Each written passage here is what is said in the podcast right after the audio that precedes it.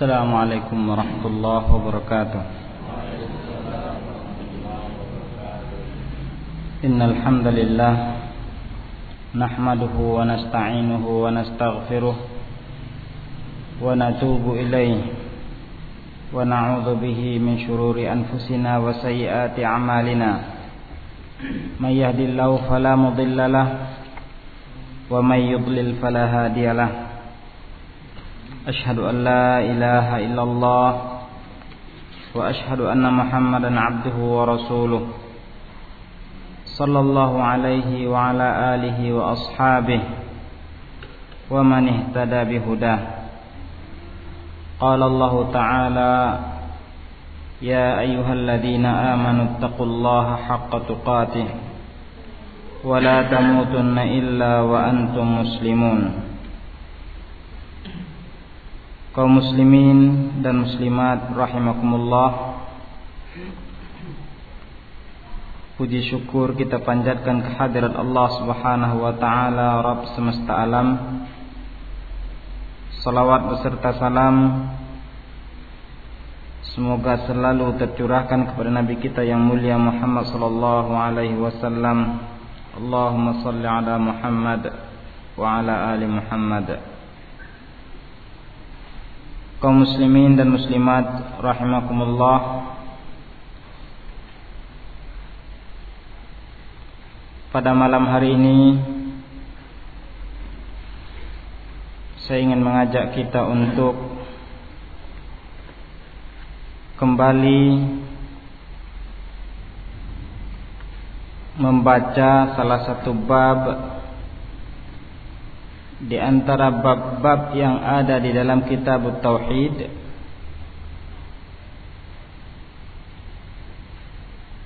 Untuk malam ini bab yang kita pilih itu bab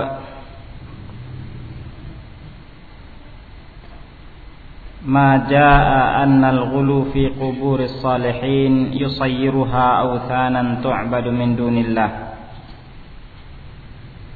Tentang sikap gulu berlebih-lebihan kepada kuburan orang-orang saleh akan dapat menjadikan dia berhala yang akan disembah selain Allah Subhanahu wa taala.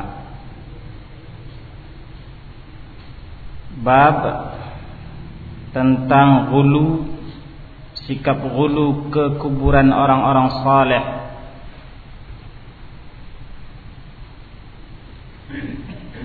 dapat menyebabkan ia akan menjadikan kuburan-kuburan tersebut sebagai berhala yang akan disembah selain Allah Subhanahu wa taala.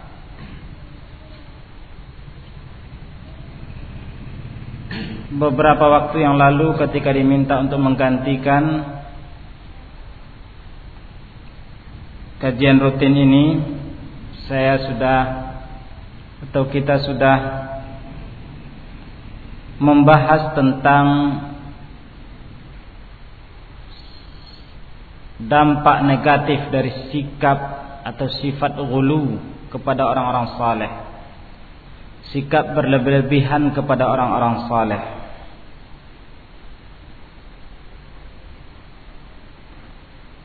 Pada malam hari ini itu gulu kepada kuburan orang-orang saleh. Kaum muslimin dan muslimat rahimakumullah. Pembahasan ini perlu untuk kita ketahui. Terlebih di negeri kita yang banyak mengkultuskan orang-orang saleh kemudian memperlakukan kuburan-kuburan mereka berbeda dengan kuburan-kuburan kaum muslimin yang lain. Entah dalam bentuk bangunan atau kegiatan-kegiatan sehingga tampak berbeda antara kuburan orang-orang saleh atau kuburan orang-orang yang dianggap saleh dengan kuburan-kuburan mayoritas kaum muslimin.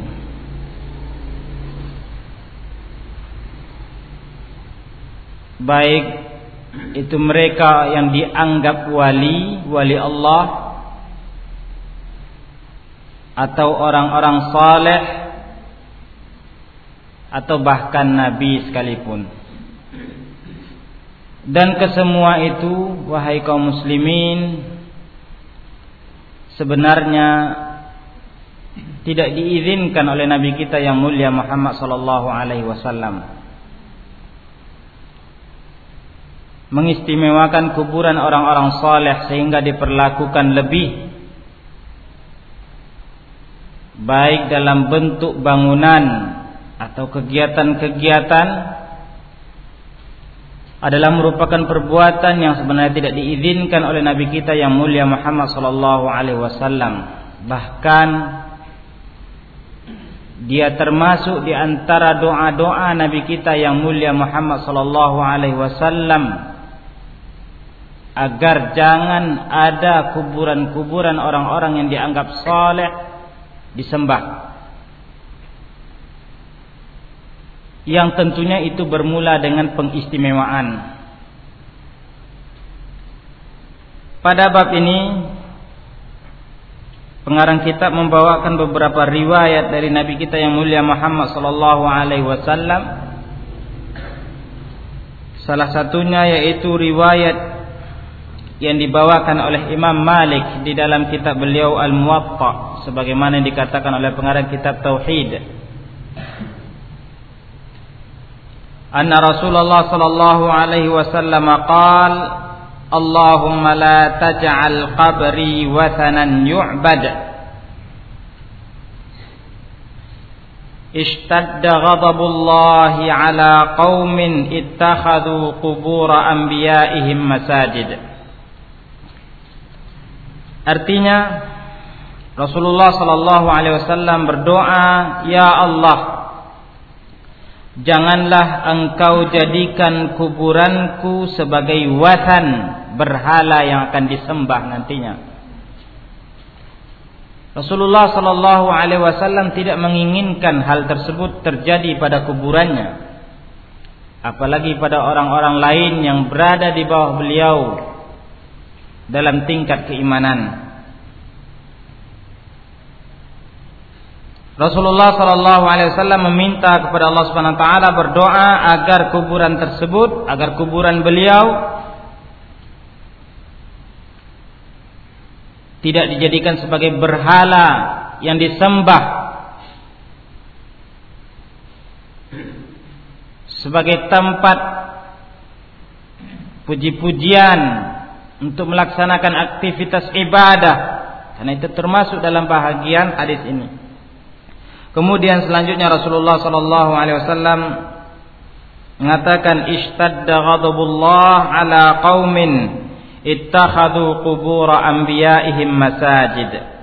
Sungguhnya sangat murka Allah Subhanahu wa taala kepada suatu kaum yang menjadikan kuburan nabi-nabi mereka sebagai masjid-masjid atau tempat peribadatan.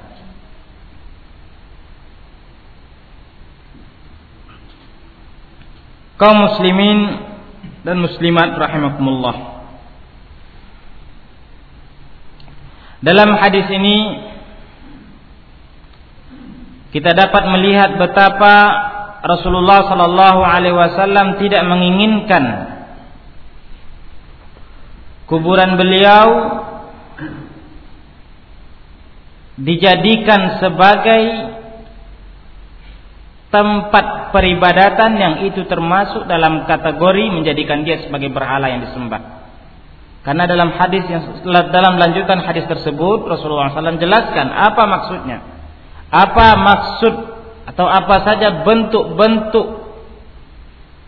kegiatan atau perbuatan-perbuatan yang termasuk dalam kategori menjadikan kuburan sebagai berhala yang disembah yaitu menjadikannya sebagai tempat-tempat peribadatan. Makanya Rasulullah SAW lanjutkan ishtadda ghadabullah ala qaumin ittakhadhu qubur anbiya'ihim masajid. Sangat murka Allah Subhanahu wa taala kepada suatu kaum di mana mereka menjadikan kuburan-kuburan mereka sebagai kuburan-kuburan nabi-nabi mereka sebagai tempat peribadatan. Kaum muslimin dan muslimat rahimakumullah.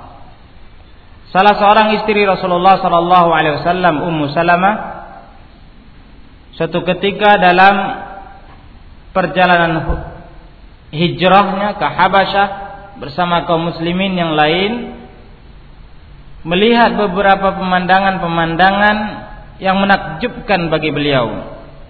Di antara pemandangan-pemandangan tersebut adalah di mana dia melihat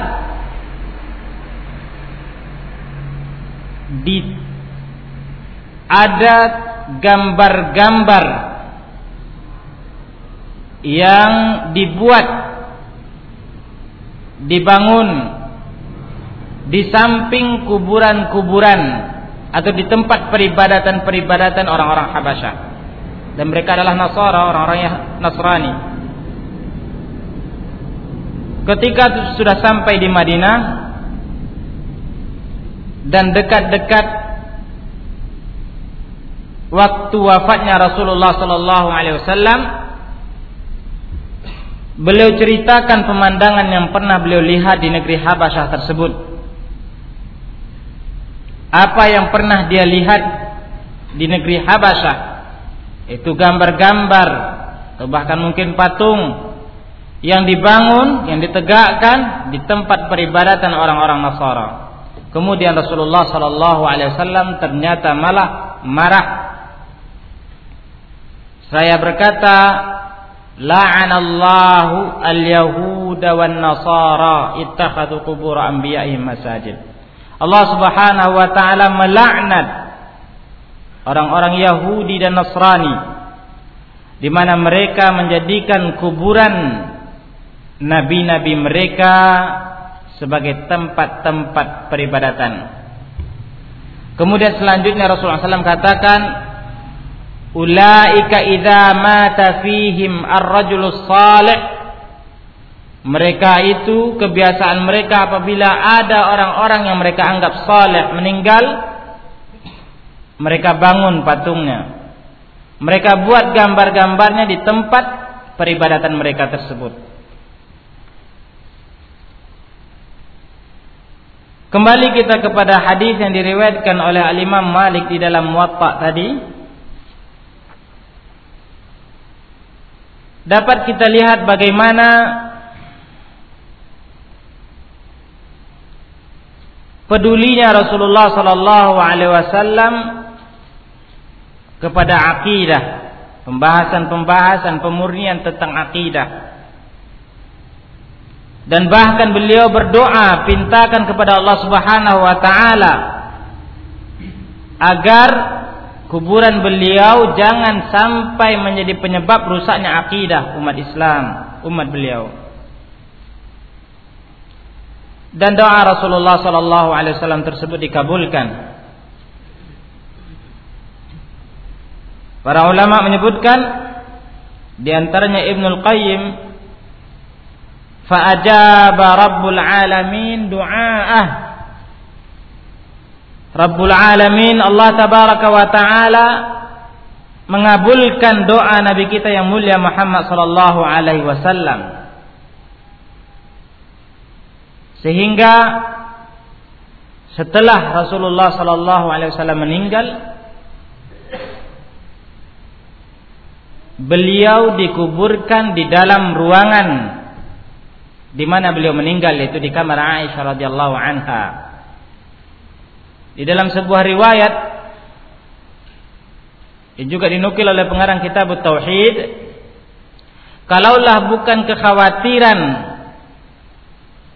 Rasulullah Sallallahu Alaihi Wasallam atau para sahabat kalau kalau seandainya kuburan itu nanti akan disembah pasti kuburan itu akan ditaruh di luar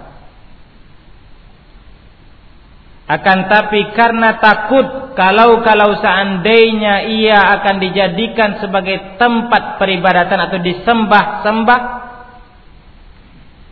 makanya akhirnya dikuburkan di dalam ruangan tersebut. Setelah Rasulullah sallallahu alaihi wasallam meninggal sebagaimana yang dijelaskan oleh para ulama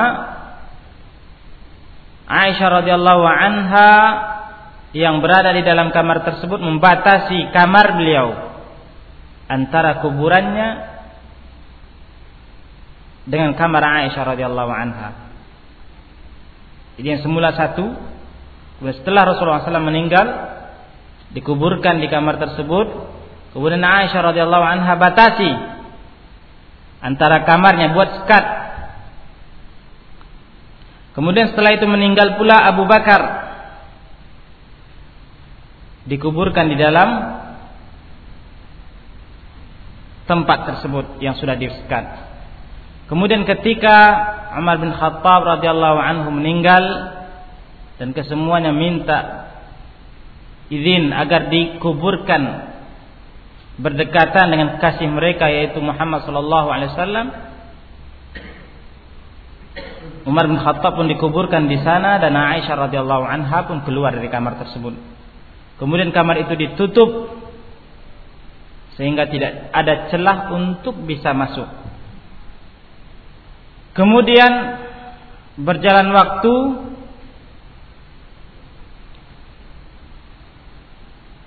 karena ada kekhawatiran-kekhawatiran kalau-kalau seandainya dengan batasan yang minim seperti itu akan mudah untuk ditebus, ditembus ke dalam maka ditambah lagi tembok lain sampai tiga lapis tembok yang dibangun untuk mengurung kuburan Rasulullah Sallallahu Alaihi Wasallam.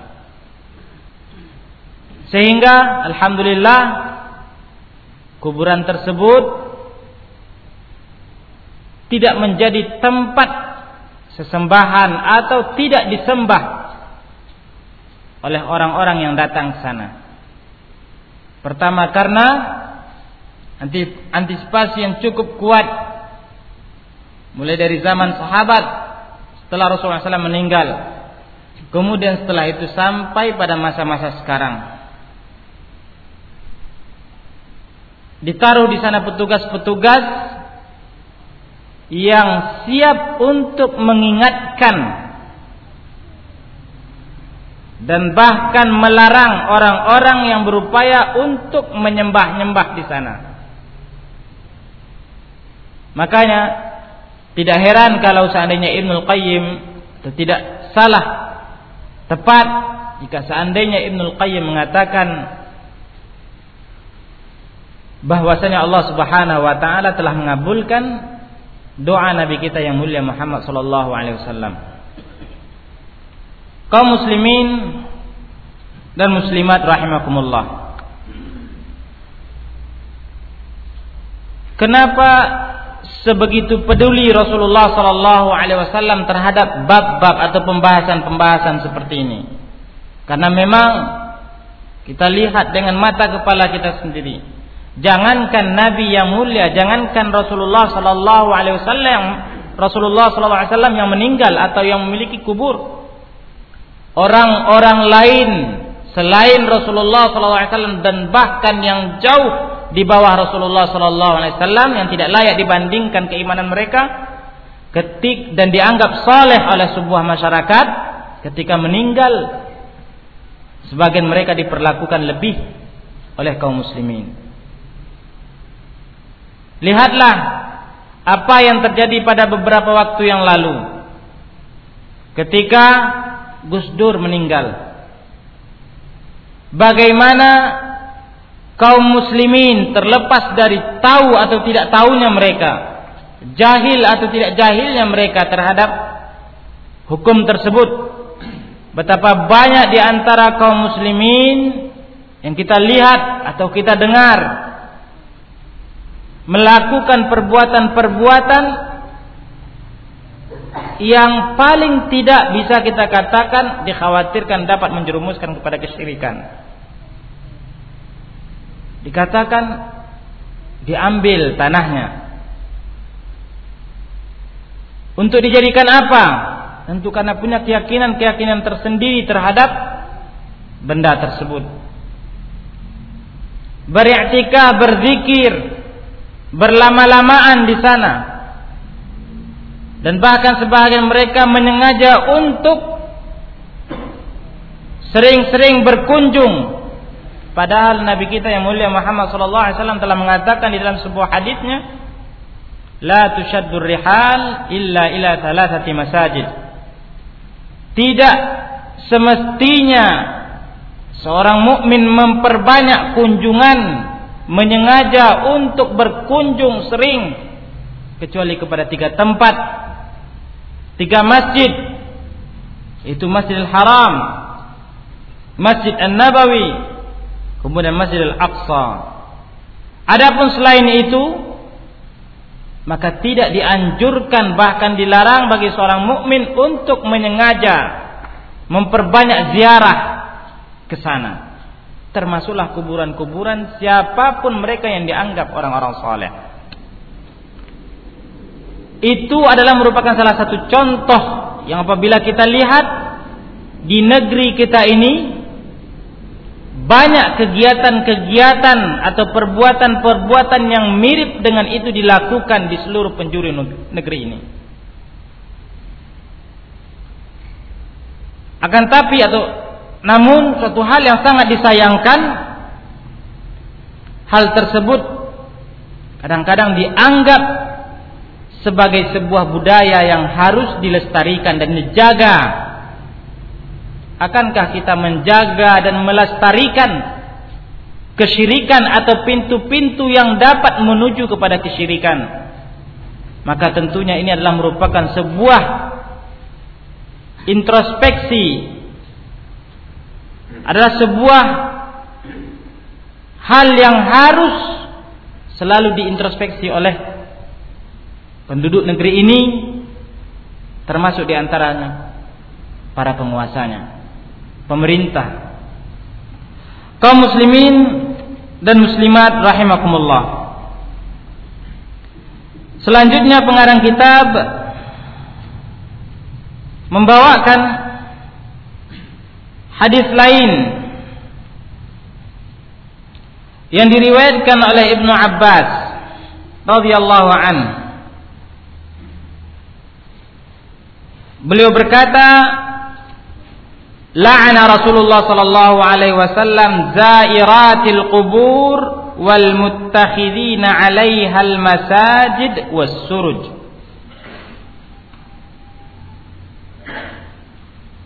Allah Subhanahu wa taala melaknat para peziarah-peziarah kubur dari kaum wanita dan orang-orang yang menjadikan masjid-masjid Kemudian pelita lampu-lampu di atas kuburan. Ada tiga hal yang ingin dijelaskan oleh Rasulullah sallallahu alaihi wasallam di dalam hadis yang diriwayatkan oleh Abdullah bin Abbas ini.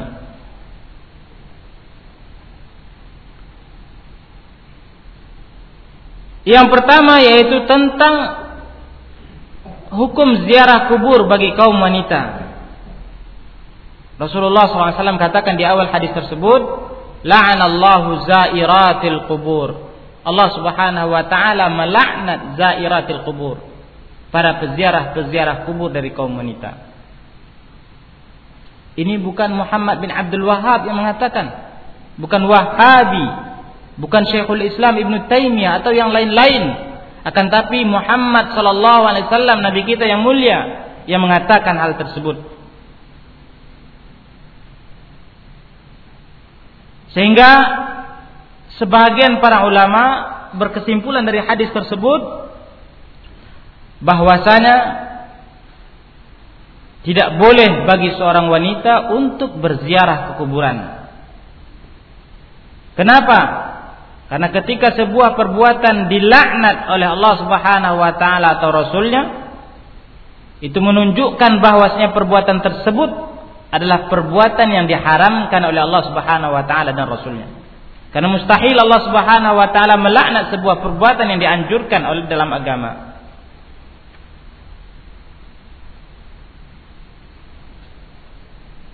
Ini adalah pendapat sebagian para ulama yaitu haram atau tidak boleh bagi seorang wanita untuk berziarah kuburan. Akan tapi sebagian ulama lain berpendapat bahwasanya ziarah kubur tersebut boleh untuk kaum wanita.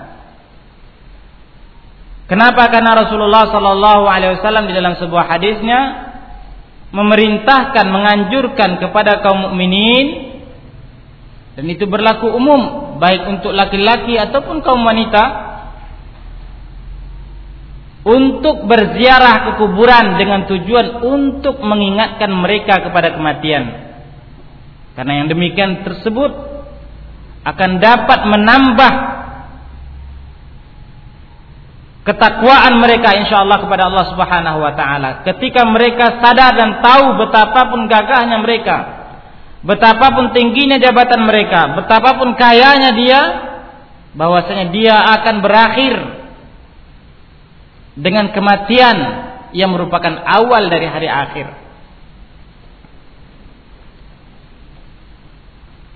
Dengan hadis ini sebagian para ulama mengatakan bahwasanya ziarah kubur tersebut boleh karena Rasulullah Shallallahu alaihi wasallam memerintahkan di dalam hadis tersebut dan perintah itu berlaku umum untuk seluruh kaum muslimin baik laki-laki ataupun kaum wanita.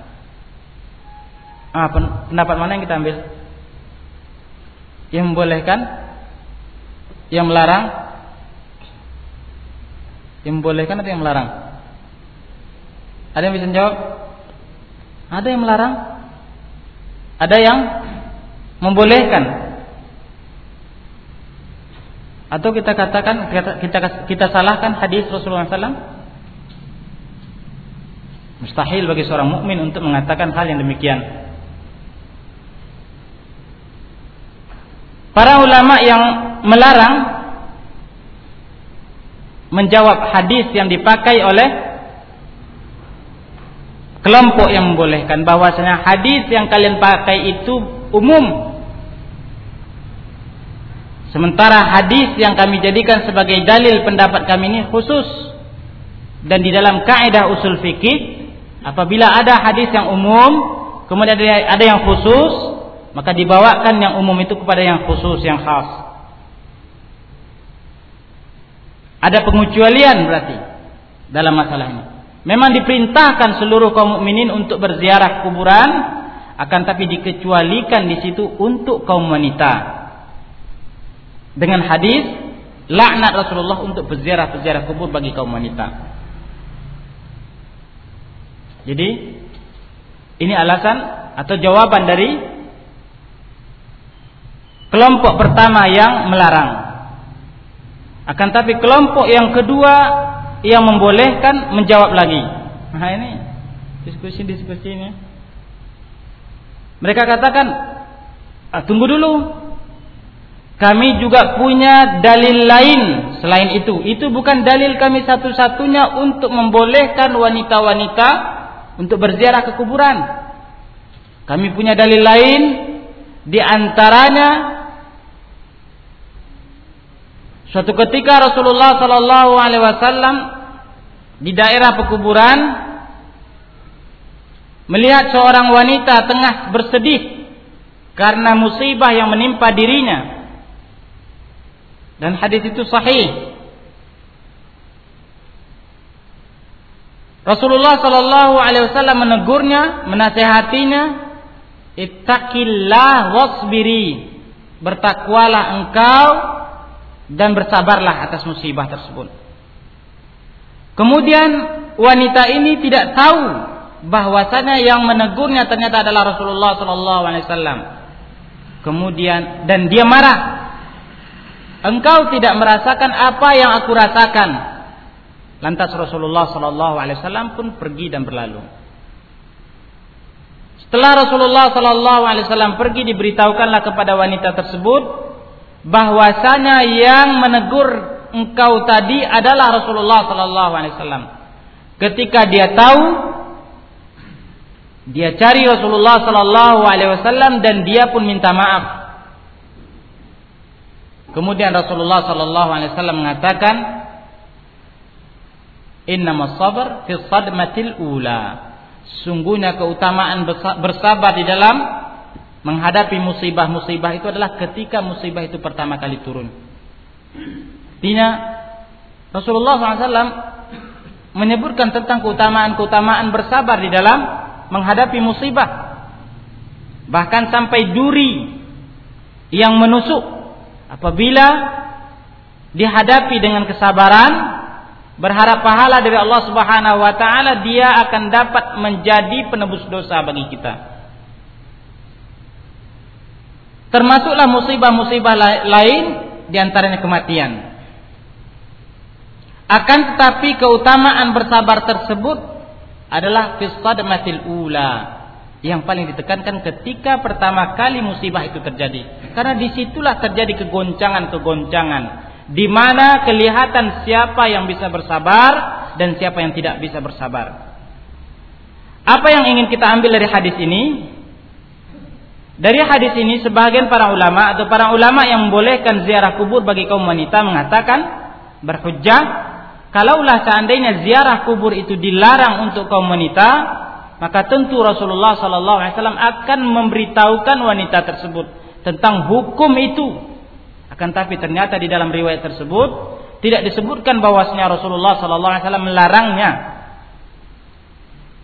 Suatu pertanda bahwasanya Rasulullah sallallahu alaihi wasallam membolehkan ziarah kubur bagi kaum wanita. Adapun larangan ziarah kubur untuk kaum wanita itu adalah untuk orang-orang yang menyengaja memperbanyak ziarah. Karena dalam riwayat lain dikatakan la'anallahu zuwaratil kubur peziarah-peziarah kubur dari kaum wanita yang banyak berziarah. Menyengaja memperbanyak ziarah. Adapun hadis tadi ini kami jadikan sebagai alasan dalil bahwasanya ziarah kubur untuk kaum wanita diperbolehkan. Karena kalau seandainya dilarang, mustahil Rasulullah SAW membiarkan umatnya, termasuk di antara wanita tersebut melakukan kemungkaran di hadapannya. Kalau tidak dia larang. Ah. Jadi mana yang rojih? Yang bolehkan. Yang melarang jawab lagi. Ah, tunggu dulu. Rasulullah Shallallahu Alaihi Wasallam tidak melarang ketika itu bukan berarti beliau membolehkan. Kami tidak terima itu sebagai dalil bahwasanya boleh bagi kaum wanita untuk berziarah kuburan. Bagaimana? Rasulullah SAW memang tidak larang, akan tapi itu tidak bisa dijadikan sebagai alasan bahwasanya itu suatu pertanda bahwasanya Rasulullah membolehkan. Kenapa? Karena memang masanya, waktunya yang tidak tepat bagi Rasulullah SAW untuk melarang, menyampaikan itu.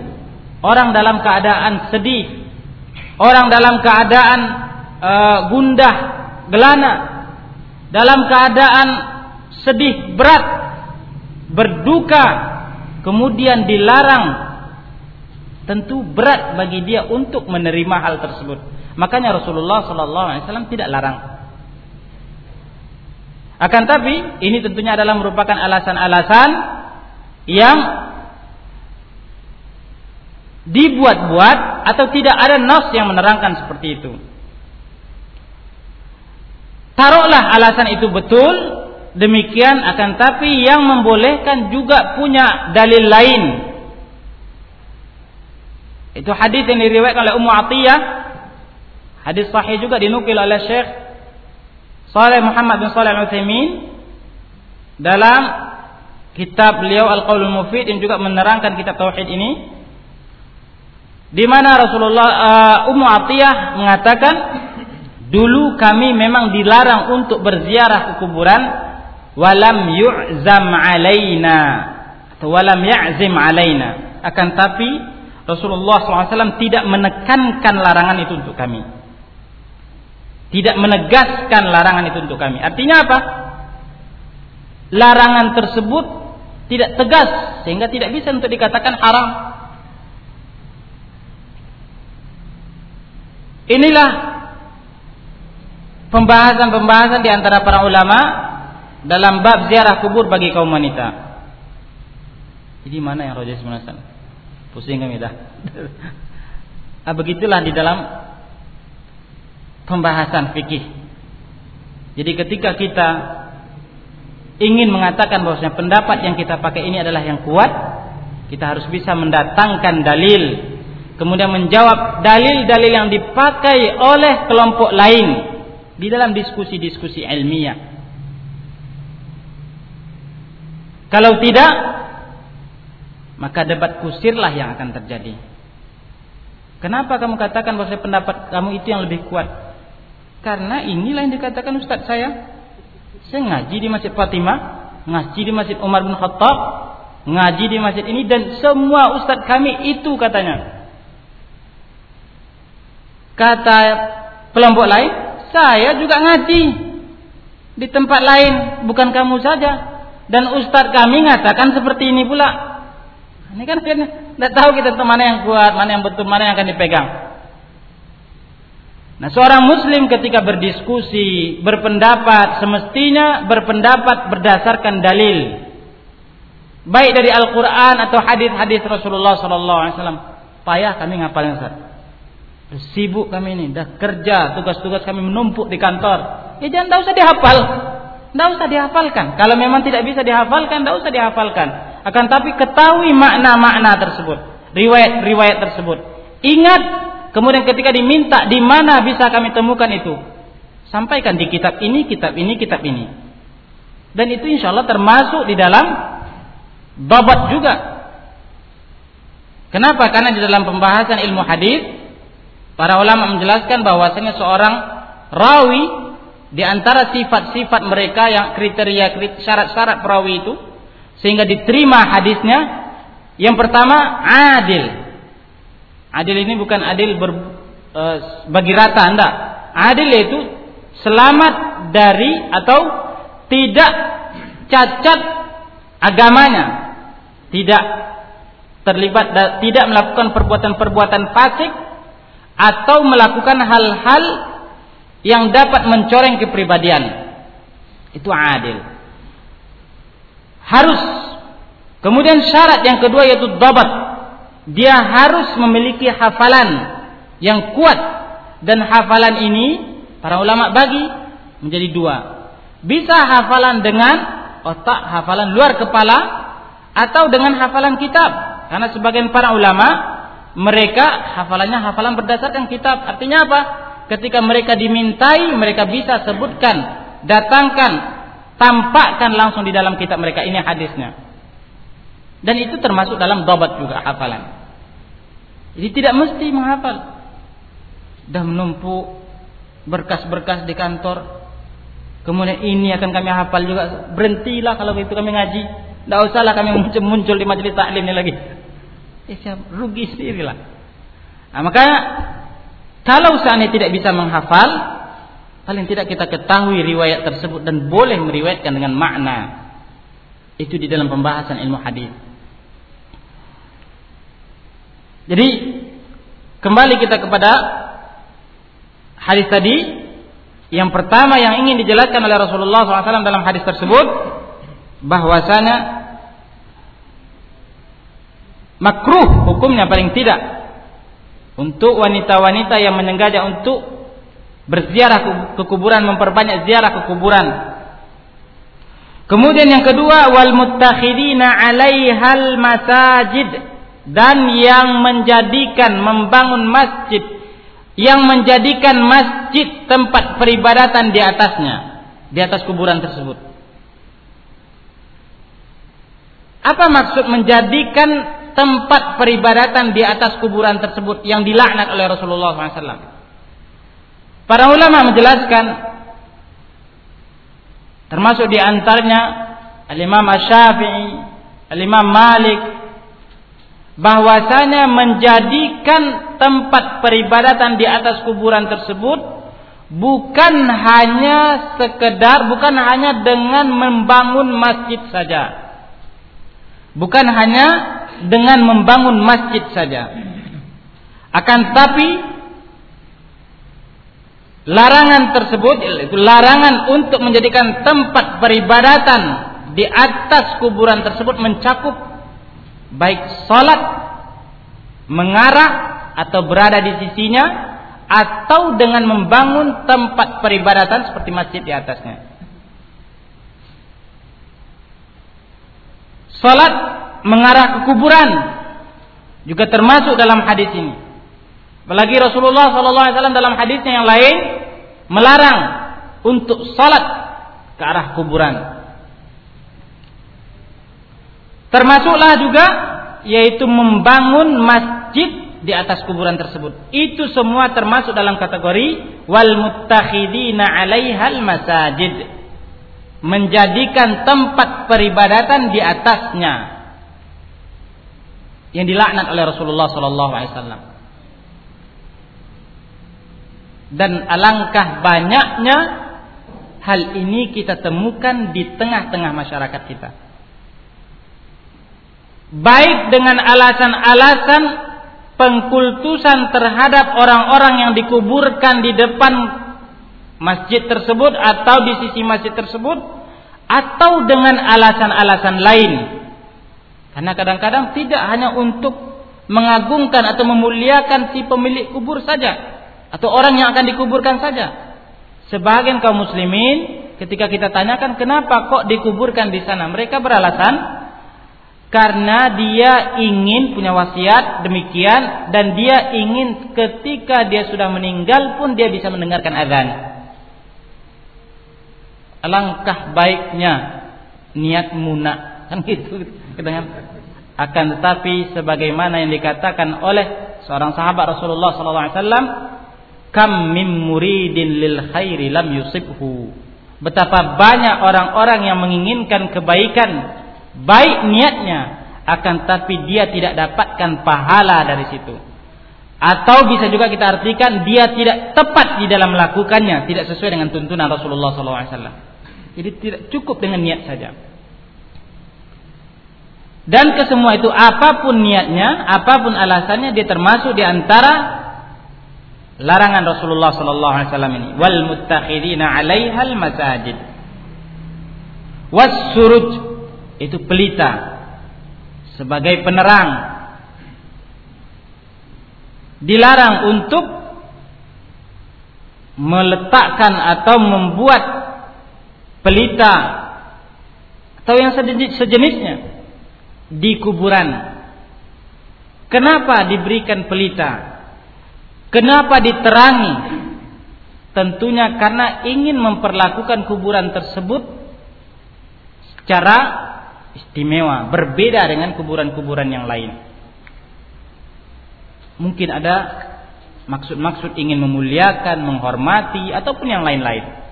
Yang jelas diperlakukan berbeda dengan kuburan-kuburan yang lain dan itu adalah merupakan celah peluang jalan menuju kesyirikan. Makanya Rasulullah Sallallahu Alaihi Wasallam larang. Ini hadis yang diriwayatkan oleh Abdullah bin Abbas yang dapat kita ambil kesimpulan dari situ bagaimana Rasulullah Shallallahu Alaihi Wasallam melarang keras umatnya orang-orang yang menyengaja untuk menjadikan kuburan sebagai tempat-tempat peribadatan. Sekali lagi, kita katakan larangan itu mencakup baik sholat di sisi kuburan atau menghadap ke kuburan atau dengan membangun masjid di atas kuburan. Hanya saja muncul sebuah masalah, pertanyaan dari sebagian kaum muslimin, Lantas bagaimana dengan Masjid Nabawi? Yang sama-sama kita ketahui kuburan Rasulullah sallallahu alaihi wasallam berada di dalamnya. Maka kita katakan bahwasanya yang pertama sebagian para ulama atau para ulama berbeda pendapat. Apakah memang betul kuburan tersebut berada di dalam Masjid Nabawi atau tidak. Sebagian para ulama mengatakan bahwasanya kuburan tersebut sebenarnya tidak berada di dalam Masjid Nabawi.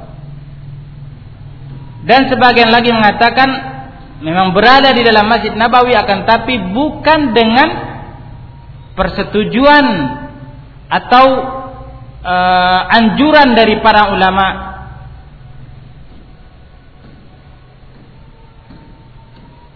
Dan Syekhul Islam Ibn Taimiyah sebagaimana yang dinukil oleh Syekh Al-Albani rahimahullah menjelaskan untuk Masjid Nabawi ini kalau seandainya memang itu dikatakan di dalam Masjid Nabawi kuburan itu apakah dilarang bagi kita untuk salat di sana karena di sana ada kuburan di masjid itu ada kuburan Syekhul Islam Ibn Taimiyah rahimahullah menjelaskan bahwasanya kuburan mas, uh, Masjid Nabawi berbeda hukumnya dengan masjid-masjid yang lain. Apa sebabnya? Bukan karena memang disengaja untuk boleh untuk dimasukkan kuburan ke dalamnya, enggak. Itu salat di Masjid Nabawi yang di situ ada kuburan berbeda dengan masjid-masjid yang lain yang ada kuburan. Kenapa? Karena ketika kita tinggalkan salat di Masjid Nabawi maka akan luput seribu pahala, seribu kali, lap, kali lipat pahala yang didapatkan oleh seorang mukmin ketika dia salat di sana. Akan lenyap, akan hilang. Berbeda dengan masjid-masjid kita yang lain, masjid-masjid kaum muslimin yang lain ketika dia menemukan kuburan di sini salat di tempat yang lain, ke semua masjid tersebut tidak memiliki tidak memiliki keutamaan kekhususan yang dimiliki oleh Masjid Nabawi. Sehingga ketika dia tinggalkan salat di sini dan berpindah ke masjid yang lain, insyaallah pahalanya tidak akan berbeda, tidak berubah. Sementara Masjid Nabawi berbeda hukumnya. Ketika ditinggalkan salat di Masjid Nabawi akan luput, akan lenyap pahala seribu kali lipat salat di masjid tersebut yang akan diperoleh oleh orang yang salat di sana. Makanya beliau membedakan kasus antara Masjid Nabawi yang ada kuburan di dalamnya dengan masjid-masjid yang lain yang ada kuburan di situ. Akan tapi kembali kita kepada khilaf beda pendapat di antara para ulama. Sebagian para ulama mengatakan bahwasanya kuburan kuburan tersebut tidak termasuk di dalam Masjid Nabawi. Apabila tidak termasuk, maka aman kita. Tidak perlu kita bahas panjang lebar apa hukum sholat di Masjid Nabawi. Apa alasan para ulama yang mengatakan bahwasanya Masjid Nabawi atau kuburan tersebut tidak termasuk dalam Masjid Nabawi? Waktunya tidak cukup. Maka silakan dibaca kitab Tahdirus Sajid yang dikarang oleh Syekh Al-Albani rahimahullah uh, dan kitab itu kalau tidak salah sudah diterjemahkan ya kitab itu sudah diterjemahkan uh,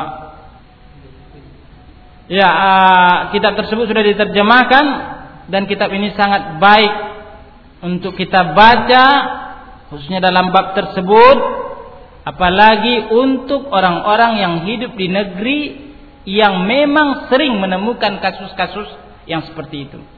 Beliau menukil khilaf atau pendapat-pendapat para ulama bukan hanya dari mazhab tertentu akan tapi juga dari mazhab al-arba'ah, Malik, Asy-Syafi'i dan yang lain-lain. Sehingga sebagai seorang muslim khususnya yang bermazhab Asy-Syafi'i katanya sangat pantas kita untuk mengetahui apa pendapat mazhab Asy-Syafi'i atau Imam Asy-Syafi'i dalam masalah tersebut. Jangan sampai kita hanya mengaku-ngaku berpendapat bermadhab asy-syafi'i akan tapi kita tidak tahu apa pendapat beliau dalam masalah tersebut. Kalau seandainya kita memang mengaku sebagai seorang asy-syafi'i, syafi'i. Itu mungkin uh, yang perlu kita sampaikan dalam bab ini. Mudah-mudahan Allah Subhanahu wa taala memberikan kepada kita ilmu yang bermanfaat, memberikan hidayah kepada keluarga kita, orang-orang yang berada di sekitar kita, seluruh kaum muslimin agar bisa mengetahui yang hak dan mau menerima yang hak tersebut. Innahu waliyyu dzalika wal qadiru alaih. Selanjutnya untuk tanya jawab seperti biasa kita tiadakan. Yang ingin bertanya silakan disimpan tanyakan kepada ustadz pemilik majelis. Uh, itu saja insyaallah kita langsung tutup. Subhanakallahumma bihamdika asyhadu an la ilaha illa anta astaghfiruka wa atubu ilaik. Assalamualaikum warahmatullahi wabarakatuh.